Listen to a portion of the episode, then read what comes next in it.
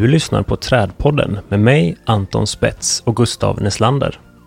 I dagens avsnitt, som är ett frågeavsnitt, har våra lyssnare fått ställa sina frågor om träd. Det här är Trädpodden, en podd om relationen mellan människan och träden.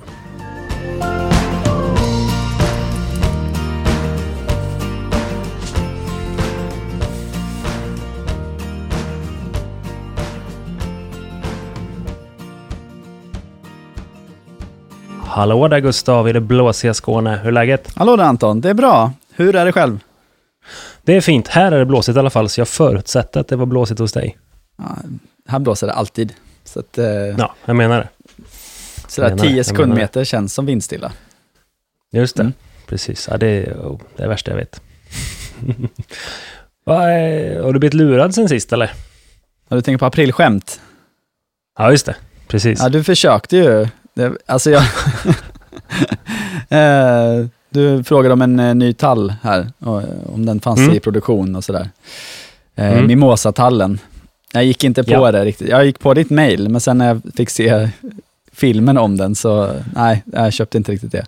Eh, det var Inte? väl eh. Skogforsk som hade gjort ett riktigt avancerat aprilskämt, får man ju säga. Ja, det byggde på att, ehm, att betestrycket från älgen på tall i skogsproduktion är så ofantligt hög. Det kostar en miljonbelopp.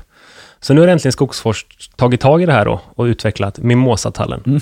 En tall som är... eh, En säga, hybrid mellan mimosa och, eh, och tall. Ja. Ja, så kom du touchade den så drog den ihop sig och drog sig undan. Det var tydliga och bra filmer också som visar hur det funkar. Ja. Och när det kom ett älghorn så blev den riktigt rädd. Ja, då stack hela bild. tallen ur bild, ja. Fantastiskt. Ja, Mm.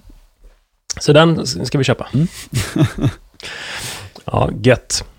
Det som kanske borde ha varit ett aprilskämt, som vi pratade lite om på sociala medier här i veckan, är att det har börjat så avverkas en del träd där du bor. Ja, precis. Nu börjar man se spår av, eh, eh, av EUs nya lagstiftning om gudaträd. Jag har sett det första Mm. offret här i alla fall. Eh, Mm. På en eh, förskolegård eh, i eh, Kungsgatan i Malmö.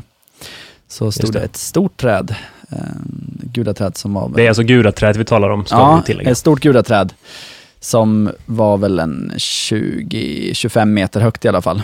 Eh, ringbarkat och så hängde det en liten infoskylt där eh, kring varför de gjorde och hur de tänkte kring det. Så vi la upp eh, på Instagram om det och eh, bad våra lyssnare skriva vad de tycker och tänker. Det blev ju eh, fantastisk respons. Mm. Eh, Bra diskussion. Ja, väldigt bra diskussion och eh, vi är väl eh, noggranna med att vi inte vill säga för mycket om vad vi tycker om det här, utan det är väl eh, det roliga är ju att få se vad, vad ni eh, lyssnare tycker och tänker. Mm. Ja, och det är alltid roligt om det kan bli lite debatt, för jag tycker Ja. båda sidor har många vettiga argument. Precis, och jag tyckte också det, den tog en bra vändning där att man talade just om att vikten av att värdesätta varje individ och då också kanske följa upp det med en vettig skötselplan och kanske också prata med Länsstyrelsen och Naturvårdsverket om man kan och vilka åtgärder man i så fall ska vidta om man ska spara någon individ på någon plats. Mm, mm. Ja, precis. In och kolla där om ni, om ni vill följa debatten om eh, gudaträdens vara eller inte vara i våra svenska städer. Tradpodden, Trädpodden alltså, på Mm. Instagram. Trädpodden vill tacka vår sponsor Mareld Landskapsarkitekter. Nordens främsta landskapsarkitektkontor och förstahandsval för kunder med högsta ambition vad gäller gestaltad livsmiljö. Är du nyfiken på Marelds många olika tjänster och projekt? Gå in på mareldlandskap.se. Tack Mareld Landskapsarkitekter. Utan ert stöd hade vi inte kunnat göra den här podden. Mm, all right. Jag tycker vi hoppar rakt in i det här frågeavsnittet. Vi har ju x antal frågor att avverka. Ja, precis. Eh, Ja. Så vi kör igång. Vi, kommer köra, vi, kör, vi kör varannan fråga. Precis, I härlig vi- demokratisk ordning. Vi får se hur många frågor vi hinner med helt enkelt. Och vissa av dem är Ja. ju så pass breda att de kanske räcker till ett helt avsnitt. Så att, eh, de har vi väl valt att lyfta ut av den anledningen. Mm. Men ehm, bra respons och vi, ja, vi kör helt enkelt. Eh, vi har fått en fråga från Sofie via Instagram. Mm. Och den passar ju väldigt bra, framförallt i årstiden här. Hon undrar så här, lövsprickning, vilket träd får blad först respektive sist? Och då får vi utgå från att hon menar i Sverige. Mm. Och vad kan vi nu vänta oss i april? Hon vill liksom ha en teaser, att vi säljer in hela april här. Ja, precis. Eh, Sofie, jag Vart vet börjar ju- vi, Gustav? Ja, men, eh, Sofie, jag vet inte vart i landet du bor, så jag får ju utgå från, från mina trakter då, eh, till att börja med. Mm. Så jag bor ju nere i zon 1. Så här är vi först, helt enkelt. Sen så går det sakta uppåt i landet, men det är ju, eh, vad ska man säga, det är ju samma skede, att vissa träd slår ut före andra, så att säga. Ehm, Jag har roat mig lite och kollat på, det finns ju den här smarta funktionen i Google Foto, att man kan liksom söka på datum och söka på saker. Ah, ja, precis. smart. Jag var inne och kollade lite och eh, eh, körsbärsblommonen, Prunus serracifera, ja. de började ju i år att blomma då eh, för ungefär två veckor sedan, det vill säga mitten på mars. Och jag har en bild från För förra året, 2018, då blommade de som mest 22 april. Mhm. Så att det är en väldigt stor eh, skillnad. Jag har hela tiden, när folk Mm. har tjatat om att det är så tidigt i år, har jag sagt nej, det är väl inte så himla tidigt. Är det verkligen det? Men det, enligt Google Foto så är det det verkligen. Ehm, men men mm. det, Prunus serracifera först ut alltså. eh, ja, men nu pratar vi blomning och nu, faktiskt så stod det ju faktiskt eh, blad. Vilka träd får blad först? Så det, det, Ja, det är det. jag tänker utgå ifrån då. Mm. Ehm, för man säger ju här mellan hägg och syren i en sån klassisk svensk, eh, ja, det ska förklara en viss tidpunkt. Ehm, Men det är ju blomningen man tänker på kanske framför allt då. Ehm, Mm. Hela ordspråket är väl att sko... Vad heter det? Skomakaren får semester mellan hägg och syren. Visst är det så? ja, det här kan du bättre än jag. Ja, jag tror det är så. Ordstävet är så att skoma, eh, skomakaren får semester med hägg och syren. Mm. Eh, men vi utgår från det att häggen slår ut först helt enkelt. Ehm, men jag vet en som slår ut ännu lite tidigare. Och även bladen faktiskt. Och det är flädern. Den är helt sinnessjukt tidig. Ehm, här var det ju redan i februari började jag se flädern Mm. slå ut. Så det, Mm. den, är, den är väldigt tidig. Och samtidigt har det ju varit ganska så kalla frostnätter här. Jag har, bara för, för några dagar sedan var det minus sex och den verkar inte brydd Mm. överhuvudtaget. Så jag vet inte ens varför den går in i vintervila, om den nog inte har några problem med de temperaturerna. Kunde lika gärna kört på året runt, mer eller mindre. Ja. Ehm, men sen kommer ju häggen, den är väldigt tidig att slå ut sina blad. Ehm, och, eh, och sen så, så det, det, är de, det skulle jag säga är de, bland de tidigaste om man ser till bladen, då, fläder och hägg. Um, och sen i slutet på april, mitten på maj, där någonstans, då kommer ju lönnarna, björkarna, lindarna, rönnen slår ut också. Hästkastanjen brukar också vara ganska tidig. Och där är ju en favorit tycker jag, om vi ska prata favoriter också, så lönn, alltså en lönn som är precis nyutslagen. Mm. Alltså den, det är svårt att beskriva den bladfärgen den har tidigt, nu pratar jag skogslönn. Ja, det är liksom lime. Det är sådär... eh, Ja. Ja, men just, oh, men får du den kronan solbelyst Mm. så är det liksom lime deluxe. Den är riktigt fin. Men då kommer min absolut största favorit. Det är ju att Mm. i eh, mitten på maj sådär, vara ute i en skånsk bokskog. Japp. Där kan vi snacka lime och då blir man, man kan nästan bli berusad av den här eh, Mm. klorofyll eh, liksom intaget. Det är Ja. helt galet vilken färg det kan vara. Eh, helt, helt makalöst. Och också att en nyutslagen bok, alltså om du tänker hela kronan, Mm. den gör ju att den filtrerar ju ljuset ner till marken. Mm. Ja, verkligen. Vilket gör att man nästan upplever att du går rumsligt i ljuset. Ja, och på, på, på sommaren då är det ju ganska mörkt i en bokskog. Mm. Eh, skugga är ju väldigt effektivt, men just när bladen är nya och sådär väldigt, väldigt tunna, då får de här härligt limefärgade eh, ljusbrytet. Så det, det gillar jag, det är mitt tips. Mm. Eh, missa inte det Grymt. när, när bokarna slår ut och gå gärna ut i en tät liksom, bokskog för att få den här riktiga effekten. Sen har vi då de som är riktigt sena på bollen. Ja. Man brukar ju säga att bland de inhemska träden så är ju asken den här, den lite fisförnäma som kommer sist och, och går först, så att säga. Mm. Och det ligger någonting i det. Den slår ut eh, ganska sent. Här nere i Skåne är det ju ja, mot slutet av maj kanske, eller i år blir det väl lite tidigare, men eh, eh, något sånt. Men sen har vi ju även de här lite mer exotiska träden. Och där är det ju många det. som slår ut sent. Det är ju, Mm. Ehm, men av erfarenhet med att handla med växter så har jag stött på några roliga incidenter någon gång. Där man till exempel har blivit kontaktad av folk som är helt säkra på att deras robinia är död. De har fått ett dött träd och det är inget snack om saken. Eh, kanske är framme i första veckan i juni här liksom och nej, inte en tillstymmelse. Ja, men vänta lite till bara, vänta lite till. Vänta en vecka till, ringer den är fortfarande död liksom. Ja, men vänta lite, Mm. lite till. Sen pang, kommer den bara. Så de, Och det är inte mycket som kan se så dött ut i förhållande till allting annat, för alla är så mycket vår. Taggat igång på våren och allting är ja, utslaget. jo, och det liksom finns något som kan se ännu... bara... Det, kan, det finns något som kan se ännu dödare ut. Och det är ja, Ken- jag vet vilken du. Kentucky-kaffe. Gymnocladus dioicus. Eh, väl här det här nere i zon 1, eh, kanske zon 2. Eh, och inte jättevanligt använd ännu. Eh, men trivs bra i den här varma, hårdgjorda staden.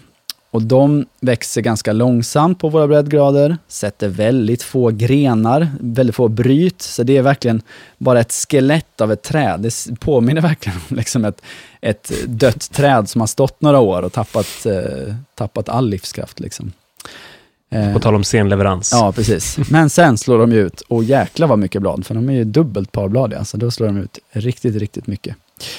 Eh, sen har vi även kinesträden, min personliga favorit, Coloteria paniculata, slår också ut väldigt sent.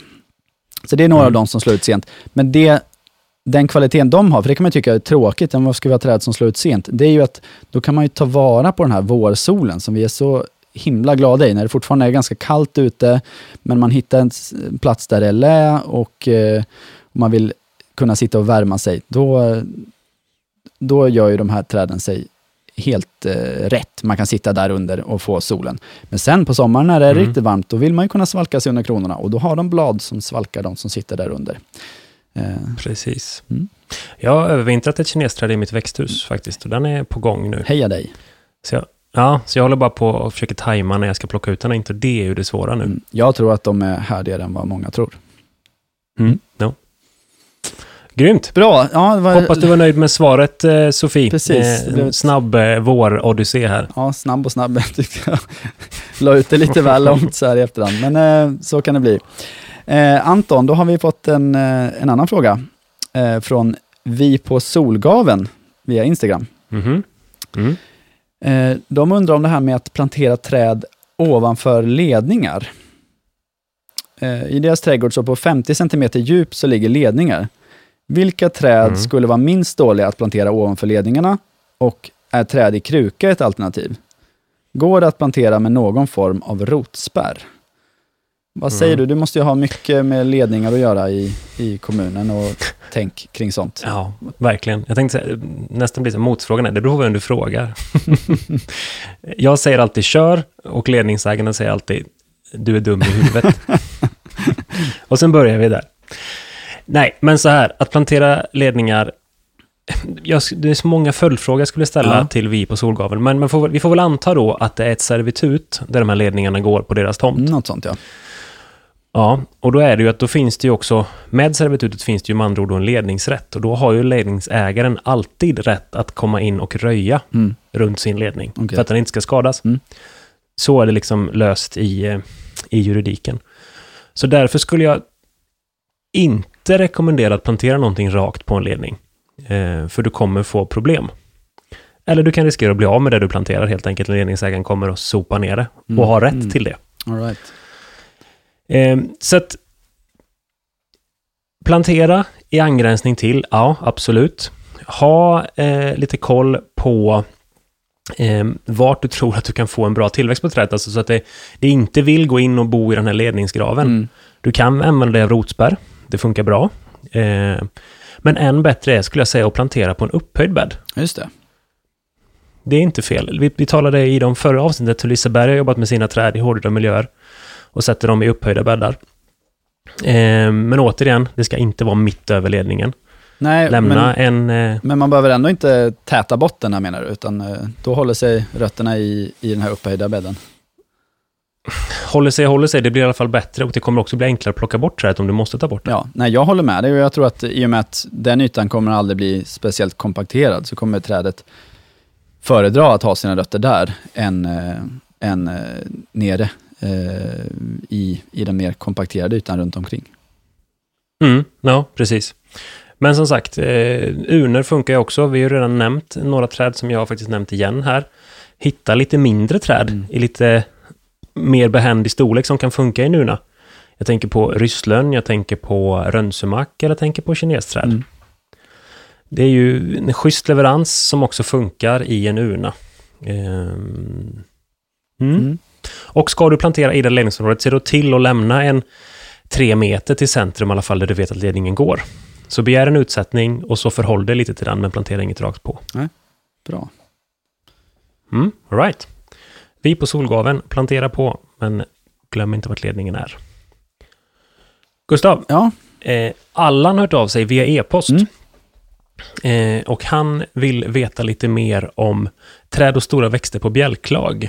Eh, vilken förankring och vilken ståndort kan vi förvänta oss på ett bjälklag? Det är en oerhört öppen fråga. Ja, och det här är väl lite så, de vi pratar om, som skulle kunna bli ett, ett helt avsnitt.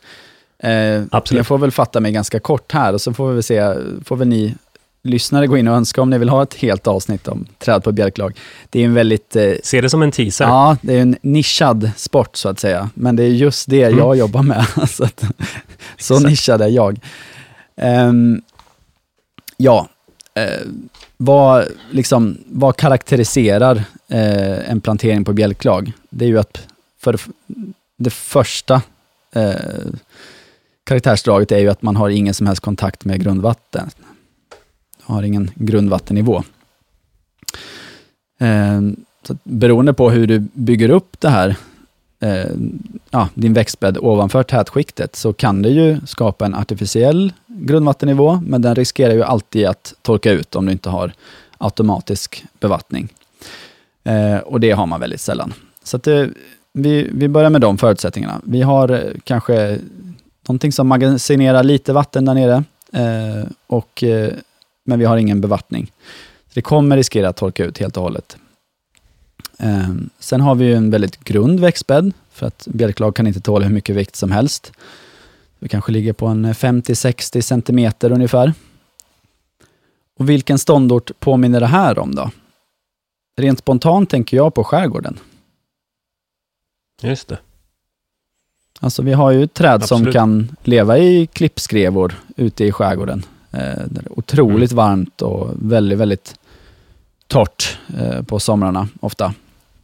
Eh, nu tänker jag på ostkustens skärgård framförallt. Det är väldigt, väldigt torrt på somrarna. Just det.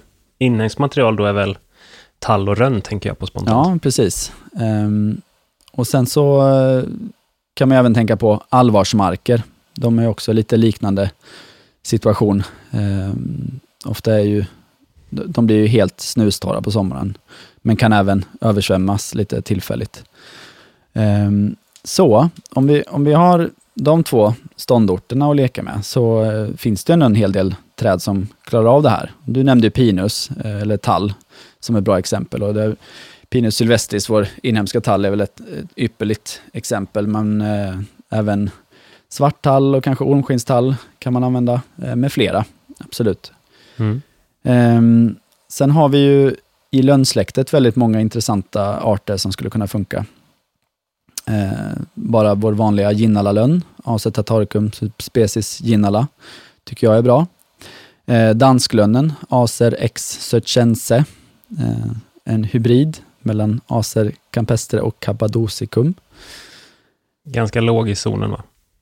Ja, zon 2-3 åtminstone. Jag mm. tror inte den är provad så högt upp. Um, Nej. Sen har vi en eh, zon 1 som är väldigt rolig och det är eh, Acer monspeculanum. Eh, dvärglön tror jag den kallas på svenska. Och den lever ju i sån här... Snyggt efternamn. Ja, precis. Och den, den lever ju i sån här kalk, liksom riktigt hemska kustnära kalkstensområden vid Medelhavet.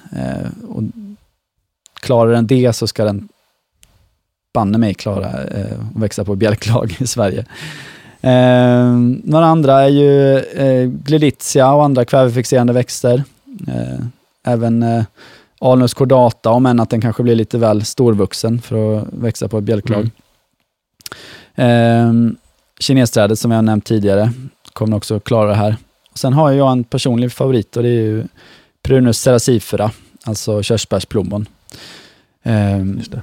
de klarar i princip alla ståndorter, växer villigt, eh, är taggiga, det är alltid bra i offentlig miljö. Eh, och eh, otroligt härlig blomning, gynnar pollinerare och, ger jättehärlig frukt som faktiskt människor kan äta, men även fåglar njuter av. Så det, den har väldigt många fördelar.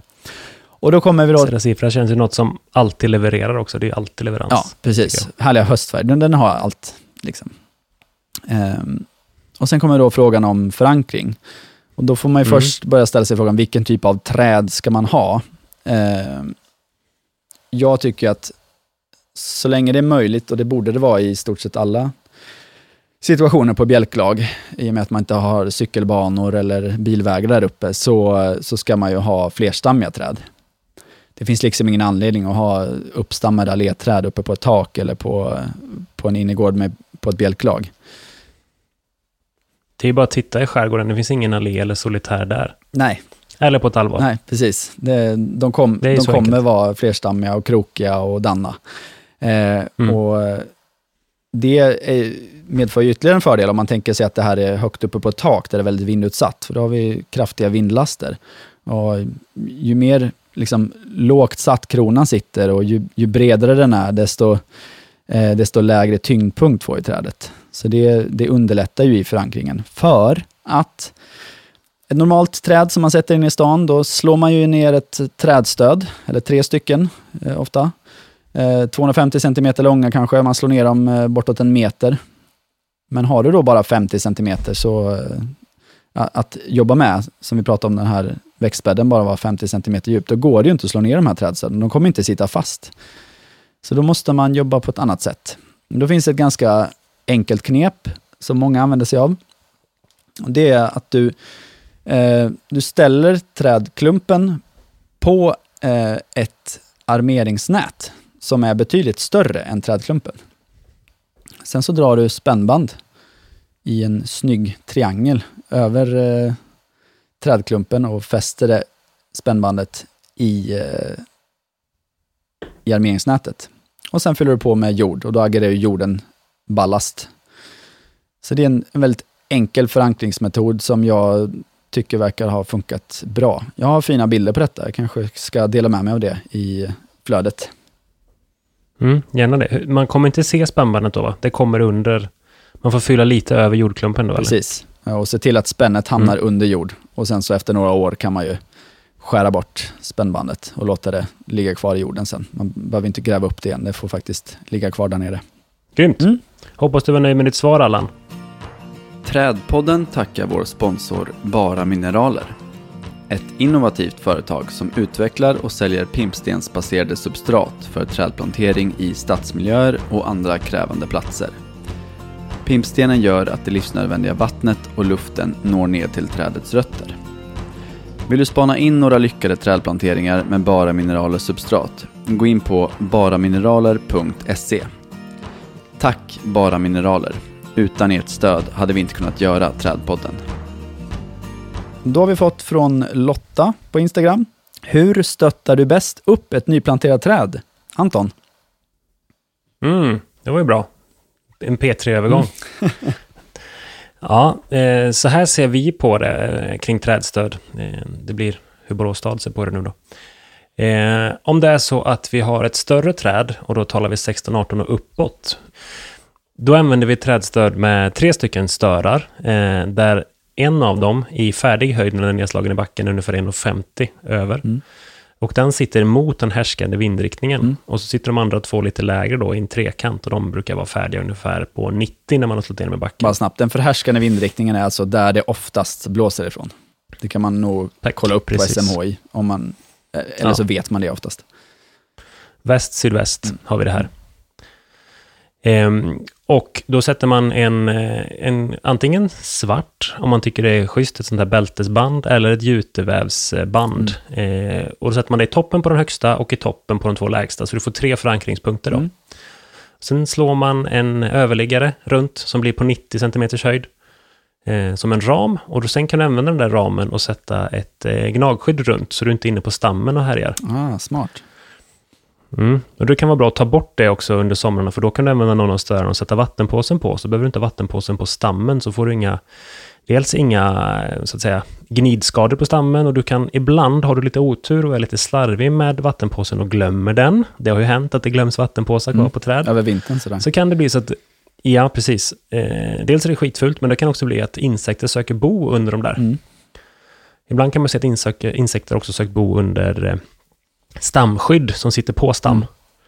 Så att eh, använd gnagskydd på den här under vintern, plocka bort gnagskyddet på trädstödet under sommaren och då kan man använda någon av de här stolparna och sätta vattenpåsen på. Eller om det är så, ett så stort träd så du behöver fler än en vattenpåse. Mm. En fördel är ju då att varje gång man fyller den här vattenpåsen så, så byter man trädstöd. Då ser man till att Mm. vattnet fördelas jämnt över ytan. Precis, absolut. Sen har vi ett annat, om vi har mindre träd som är 14-16 i storlek eller ner, där använder jag oss av två störar. Eh, en som är lite högre och en som är lite lägre.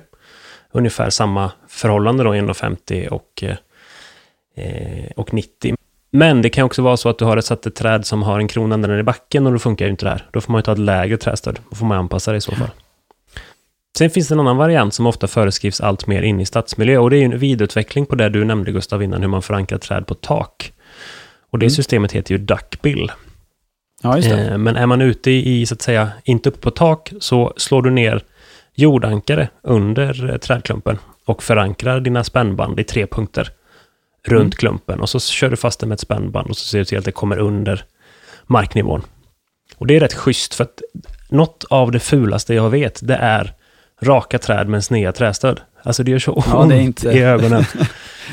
Inte fint. Nej, och tänk dig då att du sätter kanske större kvalitet, du sätter någonting som är 20-25 kanske, och så måste du då ha tre pinnar ner, och då kanske Mm. du har dessutom en, ett trädgaller. Eh, Då är det Mm. svårt att driva ner de här tre störarna, så då är dackbill en väldigt mycket bättre lösning. Så du har minskat antalet upplevda stammar med eh, tre fjärdedelar. Mm. En sista grej som också är lite intressant, som varit mode ett tag, det har varit att måla in trädstöd. Det, Ja, det tycker jag är jättesnyggt. Ja, det är lite intressant. Det är ofta när eh, man, man tagit ett helhetsgrepp om utemiljön och vill ha någonting som kanske passar till byggnaden och försöka faktiskt trolla bort den där trädstöden. Så ofta har det varit eh, någon form av svartbetsad lasyr. Mm. Eh, jag har också sett röda trädstöd med falurött faktiskt. Det är jättesnyggt. Och då blir det ju, alltså, då tillför ju de någonting helt Ja, enkelt. Precis. Det, det är jättevackert. Ja. Jag tänkte bara fråga just det här med juteband. Många tycker ju att ja, men de håller inte så länge. De eh, går sönder efter två säsonger. Mm. Ehm, tänker du där? Ja, då har man två eh, möjligheter. För du har ju en väldigt duktig utförare som alltid tittar till dina trädstöd så de inte är snea, Mm. så man får ont i ögonen. Eh, och då kan de kontrollera, sitter trädet fast, har etablerat sig, då behöver vi inte sätta till något mer trädstöd, då kan du plocka bort pinnarna. Eller så får du byta Ja. ut gjutet. Men ofta är det så att har du gjort det rätt så har trädet etablerat sig på två säsonger och då behövs inte trädstöden längre. Nej, precis. Så för guds skull, glöm inte att ta bort trädstöden. Det är nästan det viktigaste. Mm. Och, eh, Ja, precis. Gör du allting rätt så ska de inte behövas mer än i två år. Och Nej. då räcker det gott och väl med ett juteband. Ja, exakt. Mm. att, eh, och det är, också, det är ju ett tips. Sätter du den här, om du har här modellen du har två stöd, ett lågt och ett högt, så är det väldigt snyggt att tvinna gjutet tycker jag. Ja, just det. Det är lite det gör jag alltid hemma. Ja.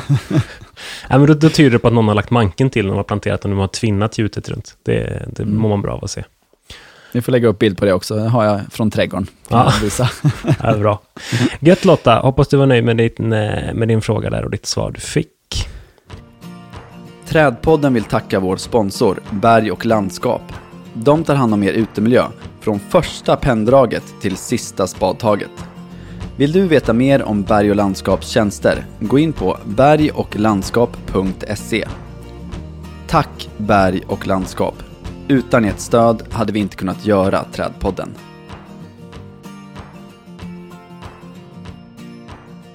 Okej, en fråga till dig Gustav som jag tyckte var lite klurig här. Eh, Andreas har skickat in den här till oss via Instagram.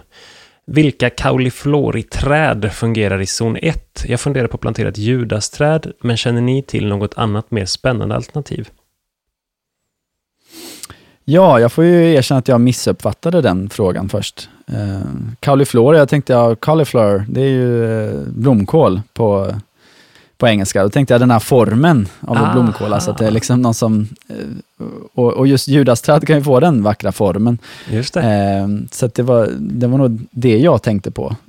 om man vill få ut den formen så finns det ju ett flertal olika träd, men det är ju flerstammiga, Prunus aculade eller AC ginnala. Eh, eller vissa haggtorn till exempel. Mm. Eh, men det var inte det som Andreas menade här, utan jag fick ju gå in på Wikipedia och kolla cauliflora och det var helt nytt för mig. Så att, eh, vi, vi får istället informera lyssnarna om vad det är. Mm.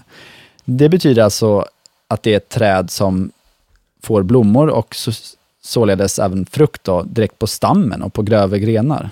Ja, just det. Ja. så det är från latin våra... då och betyder Kaulis, skälk och floss, blomma eller flos. Precis. Um, så det är lite knepigt och uh, tyvärr, nej, jag har inget bra svar på det. Alltså vilka andra som funkar i Sverige. Det är judasträdet jag tänker på spontant, alltså Cercis canadensis eller Cercis siliquastrum. Mm. Um, och de är ju verkligen sonett med förbehåll. Ja. Uh, ett annat träd som ju faktiskt blommar på stammen, det är ju fikonträd. Um, men fikonblommor är ju även det som vi kallar för fikonfrukt. Så det är inte, de det är inte så wow. Nej, men det är ju lite roligt. Eh, kanske vi får ta ett annat avsnitt, jag vet inte. Men, men eh, fikonblomman är ju lite speciell. Det är ju blomknoppen vi äter, eh, kan man säga. Och där innanför så, så blommar den och sätter frön på mm. insidan. Mm. Den slår aldrig ut helt enkelt. Ja, just det. Um, i symbios med steklar, om man undrar det också. Men precis. precis. Uh, All right, Andreas. Det, det, är för långt för att gå in på det. All right, du fick kanske inte riktigt svar på din fråga, Andreas, men uh, det, var ett klurigt, det var ett klurigt ämne och uh, vi har inget annat Det är kul att vi får bli satta på pottkanten ibland också. Ja, exakt, och lära oss något. Mm. Grymt. Mm. Anton? Yes? Jag har fått från Anna-Maja via Instagram.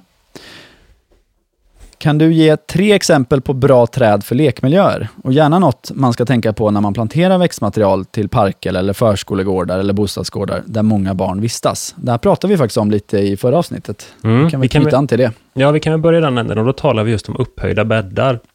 Mm. När det finns just växter som som då är, ehm, de flesta växter är ju känsliga mot markkompaktion, sen är de mer eller mindre ja. känsliga sinsemellan. Men finns det träd som ska leverera, säg att du ska ha ett träd som ska bli relativt stort och leverera skugga, så kan det finnas ett syfte att sätta dig i en öppen växtbädd till exempel.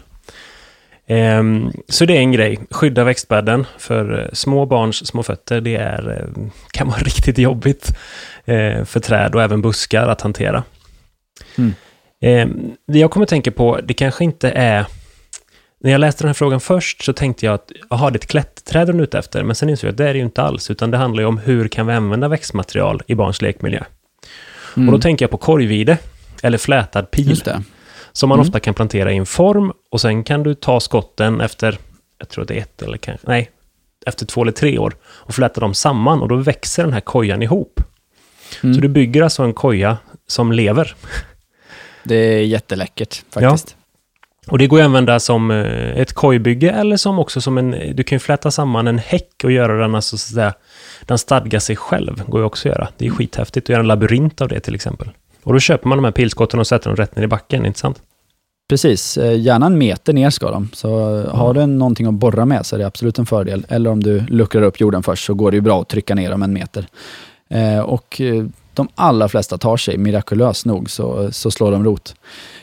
Och eh, det du kan tänka på om du vill göra det här själv, om du har en pil som du hamlar, så går det utmärkt att ta de här. Och det går även med diverse popplar och annat också. Ehm, det är ju att eh, vänta inte, utan direkt du har klippt dem så gräv ner dem på sin, eh, i sin planteringsplats.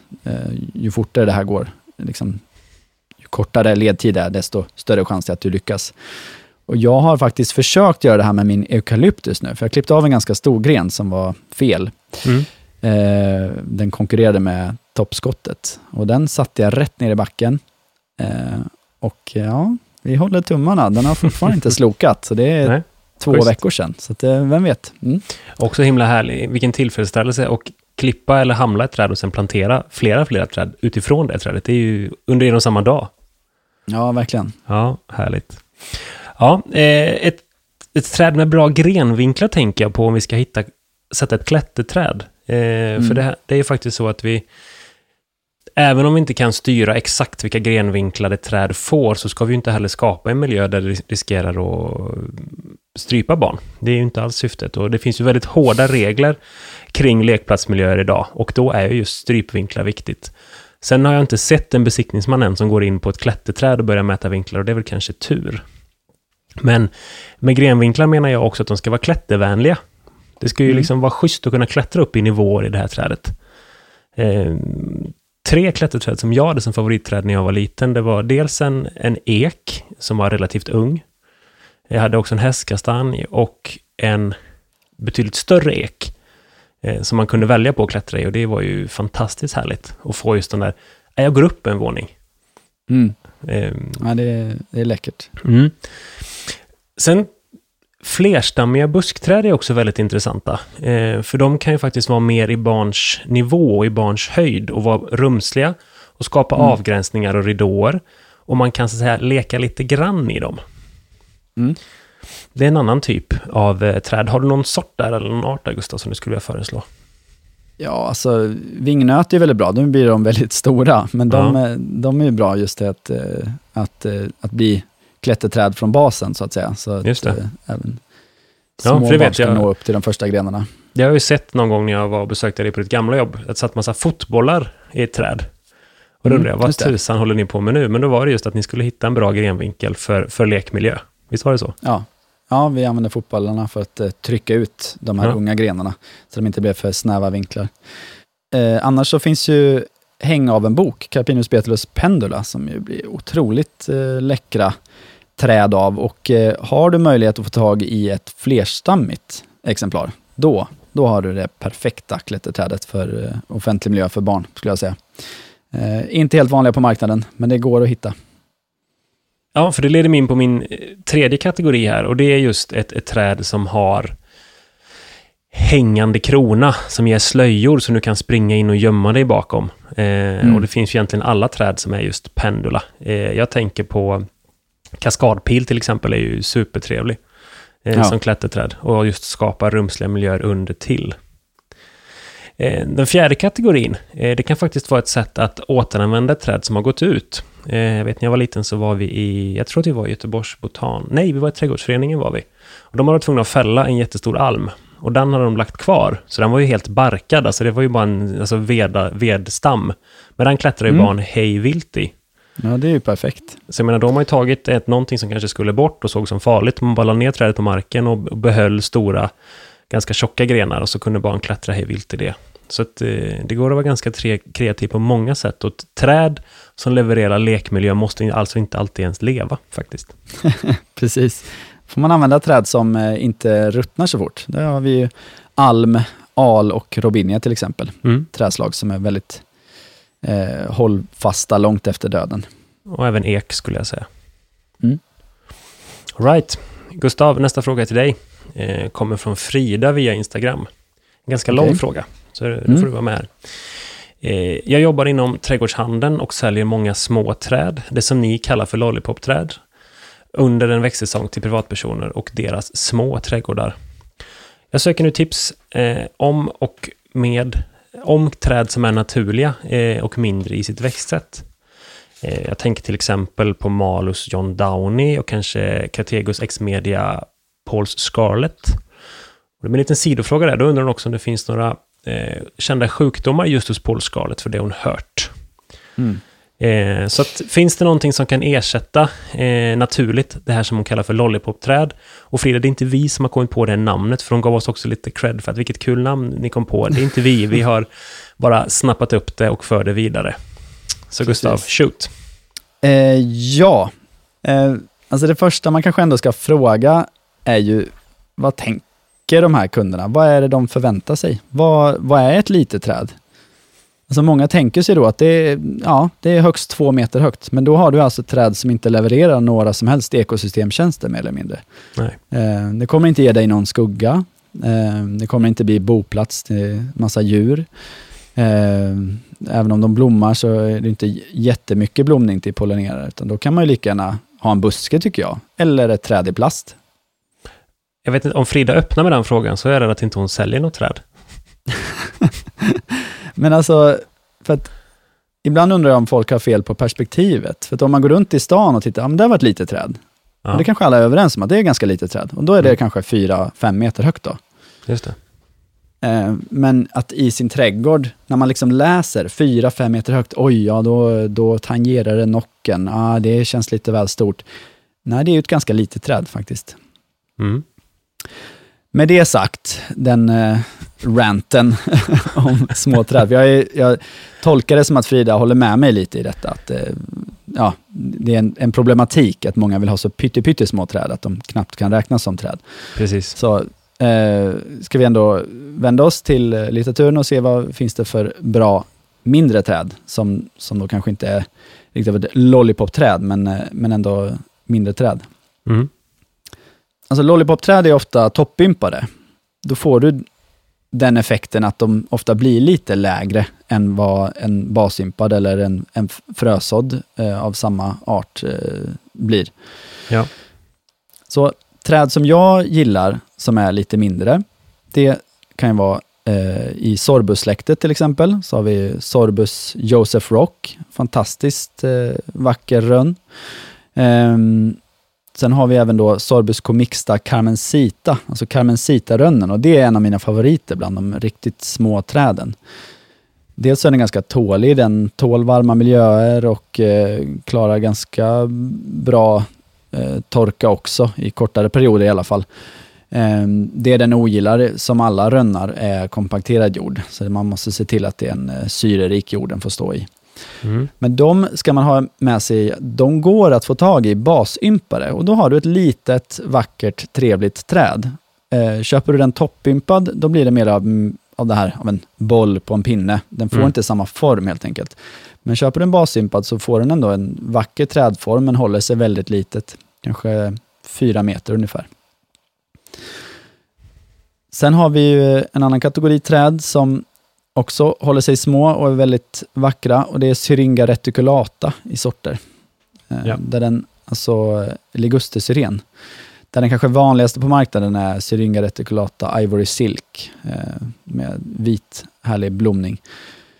Ehm, och den, det här är ett ganska speciellt träd ur många hänseenden. Eh, det är ett av de mest torktåliga träden vi kan ha här i Sverige. Så den levererar fantastiskt bra i utsatta miljöer och blir sådär 4-5 meter högt någonting.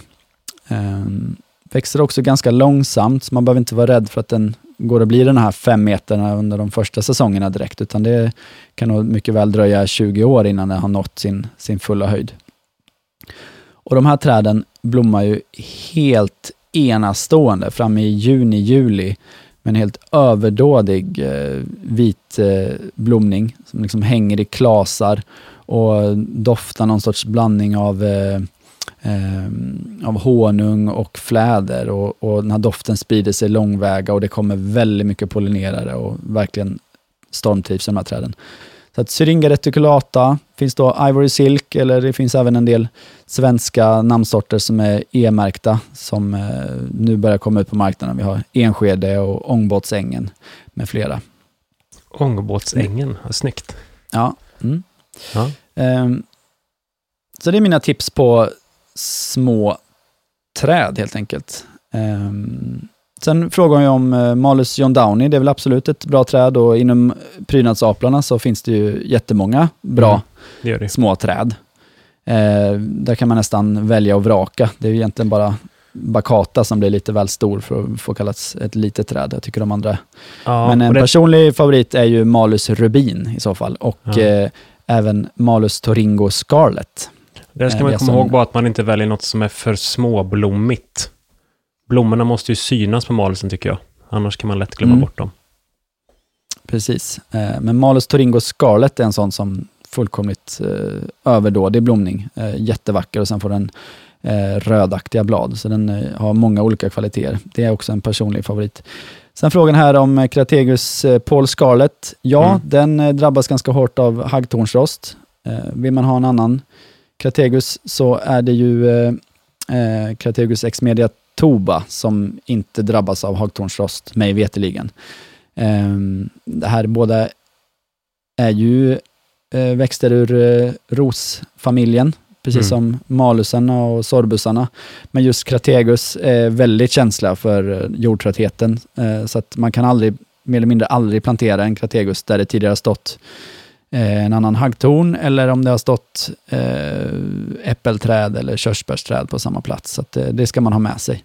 Mm. Då tar de sig helt enkelt inte, utan det får vara färsk, frisk jord som, där det har stått något helt annat. Ehm, och behöver du byta ut en sån, så byt ut mot en syren då helt enkelt. Right. Mm. Grymt, Gustav. Små träd var ju faktiskt ditt gebit. Även om du vill eller Mm. inte. Hoppas du var nöjd right. med svaret på din fråga, Frida.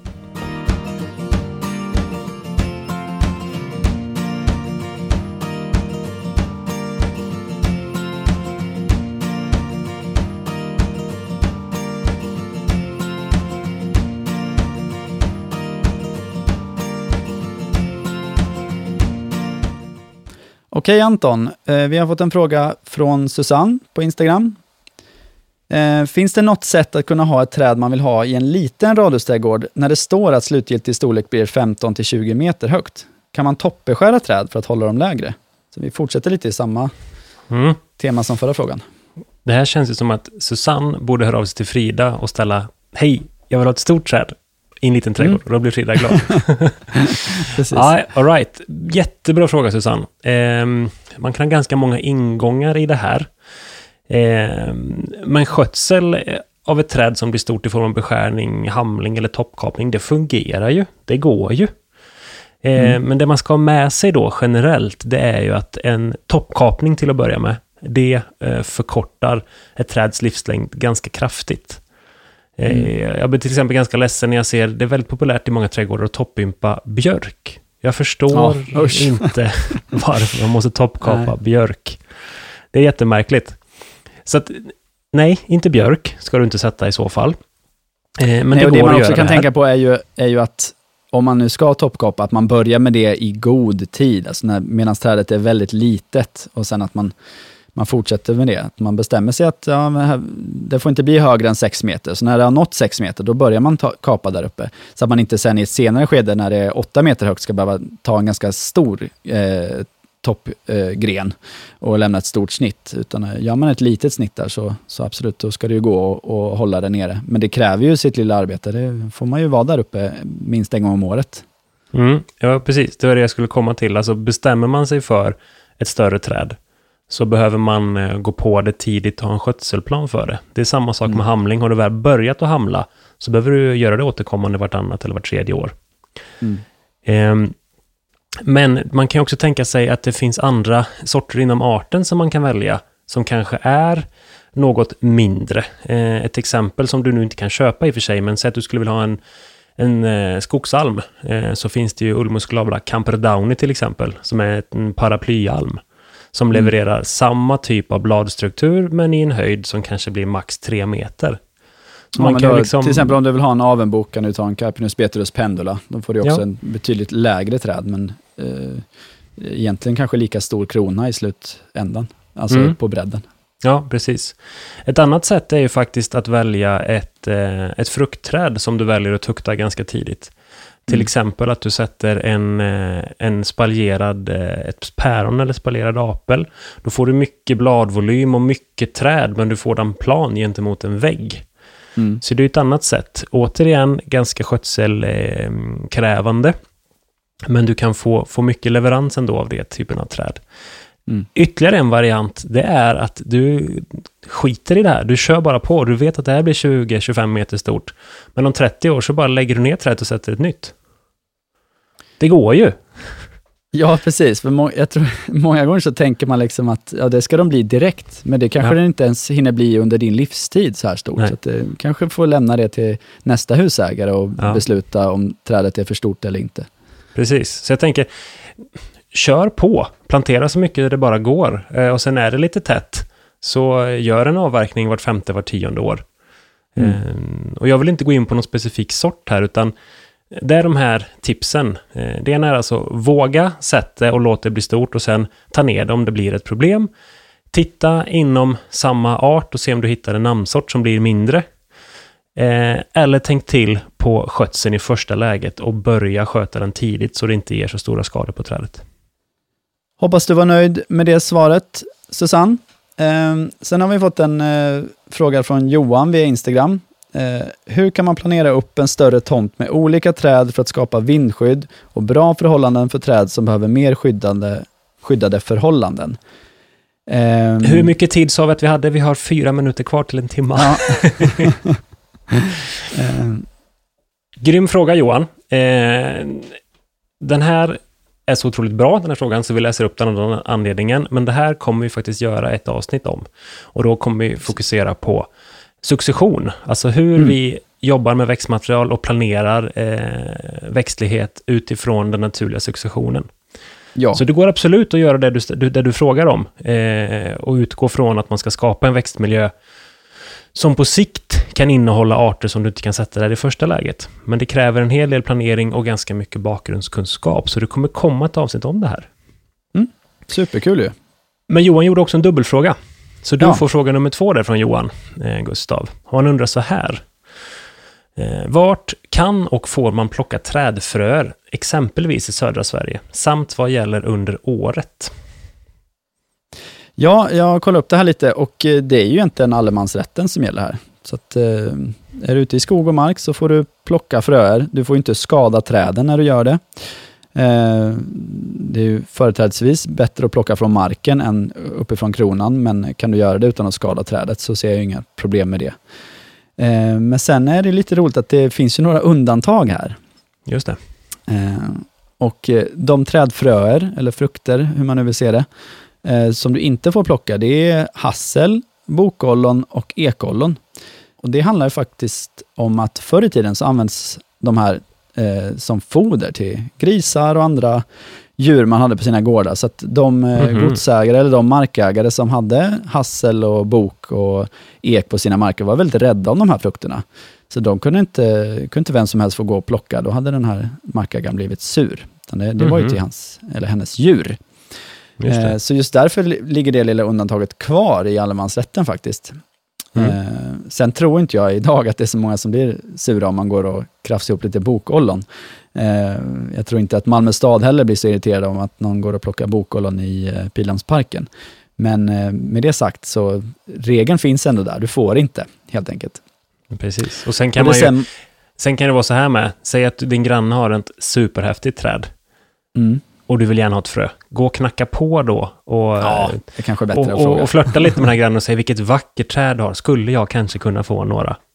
Då blir Precis. man ju kompis med sin granne och man eh, delar samtidigt vidare ett jättevackert träd. Den här regeln gäller faktiskt även granskott och björksav. Eh, det kan du inte heller gå och plocka i skogen, eh, eller Nej. tappa. Eh, Och vi nämnde ju det i avsnittet om björk när vi talade om chaga, sprängticka. Den får man Ja. faktiskt inte heller gå och plocka ner på annans mark. Så det, det nej, det är inte så konstigt heller. det. Det, det krävs ju en ganska stor åverkan på trädet för att få Mm. loss eh, chagan, så att, eh, eh, väldigt vettigt. Japp. All right, grymt Johan. Eh, tack för dina två frågor. Den ena fick du svara på nu och den andra kommer du få ett helt avsnitt tillägnat framöver. Mm. Eh, vi har även fått en till fråga från eh, Lotta via Instagram. Vilka olika skydd kan ett träd ha? Skydd i plan, skydd enligt naturminne, biotopskydd etc. Mm. Det är också en ganska stor fråga. Eh, vi kan börja säga så här, i avsnitt nummer 11, när vi pratade om allier, så ringde vi också upp eh, Karin Sandberg, heter hon va? Mm. På På Länsstyrelsen. länsstyr Precis, på Länsstyrelsen. Och då pratar vi just om hur biotopskydd av träd eh, fungerar och vad lagen säger. Så det är tips Lotta, lyssna mer på avsnitt 11 kring just biotopskydd. Och då talar vi dels om alléer, vi talar också om grova träd över en meter i diameter och hålträd. Mm. Så de är ju skyddade enligt biotopskydd i miljöbalken som trädde i kraft 1994. Så där finns ett skydd. Ett annat skydd eh, för träd är ju om de står i nationalpark eller naturreservat och det är ju ett väldigt bra skydd. För det är faktiskt så att då har du ju en geografisk avgränsning. Sen är det ju inte så att en nationalpark eller naturreservat, vad jag vet, kom till för att skydda en individ, utan det var ju snarare för att skydda en större sammanhängande miljö. Och då är det ju skötselplanen för reservatet och eh, nationalparken som styr trädet. Sen kan det också vara så att det har upprättats ett naturminne. Det gjorde man mer förr och då skyddade man faktiskt individen. Ehm, så det kunde vara så att det stod en stor ek, till exempel ett annat stort vårdträd ute i en Kanske ofta en, eh, en jordbruksmiljö, men också kanske i en nyetablerad granskog kan det ibland stå naturminnen som man fått hugga fram stora gamla ekar och då är det skyddat på individnivå. Det är dock lite svagare det här skyddet, för problemet kring det är att du har satt ett skydd in på någon annans mark. Okej, okay. det låter lurigt. Mm, då är det så att då har man bestämt skyddet, och, eh, men man har inte köpt in marken, utan man förutsätter att markägaren förhåller sig till och vårdar det här trädet på rätt sätt. Mm. Eh, utöver det så kan också träd vara skyddade eh, enligt eh, byggnadsminne eller kopplat till eh, kulturmiljöer kring byggnader. Till exempel om du har ett större gods eller herrgård eller kring en, en kyrka till exempel så har du en trädmiljö och då är den skyddad där. Sen har kyrkogårdar också i eh, plan och bygglagen ett eget skydd. Så att ska du vårda träd på en kyrkogård så finns det en lag som trädde i kraft 1940 som man behöver förhålla sig till. Utöver detta så finns det också skydd för träd i detaljplan och då kan det vara så att eh, unika träd, eh, alltså solitärer, är utmärkta som skydd i detaljplan. Eller så finns det ett eh, rivningslov lagt. Så är det så att du har träd som är grövre än ett visst antal centimeter i diameter så måste du som tomtägare höra av dig till kommunen och eller Länsstyrelsen om det är så att du vill fälla ett träd. Mm. Och ska du göra det så är ett bra tips att ha några tankar på hur du kan kompensera det här eh, och redovisa det för kommunen och Länsstyrelsen. Så går det ofta mycket lättare att få igenom det. Men eh, det finns ingen som kommer godkänna att jag vill ta ner trädet för jag ser inte sjön. Eller min parambol, den som nu har parambol kvar, eh, störs av det här trädet. Det är inget godtagbart argument.